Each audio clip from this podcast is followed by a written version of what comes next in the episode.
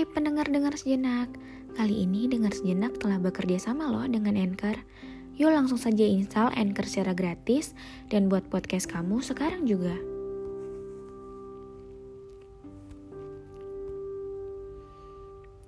I often talk to God about you and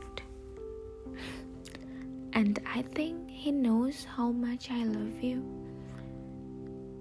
He knows In every prayers I make, I always ask for your happiness, your peace, and of course your safety. But after all, maybe God wanted me to see that you move on. I prayed for an answer and seeing you with someone else was it for me. I had a little bit of hope. I still wake up in the middle of the night asking God for me to be with you, but but now that hope is gone, that sharp pain in my heart was worth worth very worth it after all because I am finally I am finally detaching my heart to you. You are not written for me, maybe after all, and that is okay. And I just hope that at some point you also ask me on your prayers. You also ask me I don't know. But I still wondering that you are here with me. Anyway, dengar sejenak telah bekerja sama loh dengan Anchor. Yuk langsung saja buat podcast kamu dan bisa langsung di-share ke Spotify atau platform lainnya. Jangan lupa download Anchor ya. Most things will be okay eventually not everything will be.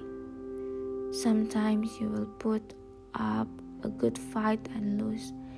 Sometimes you will hold on really hard and realize there is no choice but to let it go. But despite all of it, I hope the forgiveness you are looking for is provided to you.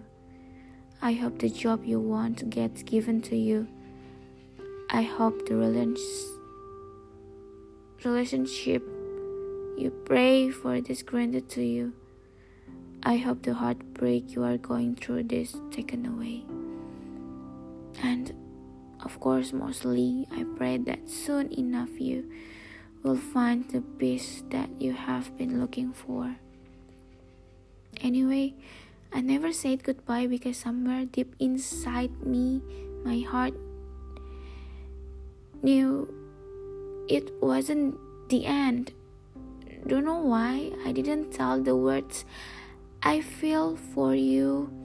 Instead, I look up at the moon every night and hopes that you are looking at it too. All I ever pray is for God to take my heart and lead it back to you. It's hard for me. It's hurt me anyway. But in my head, I just I just think I don't know why I just think that you are the only one I want. Just you. You are you are the one. And if someday the moon calls you by your name, don't be surprised because every night I talk to her about you.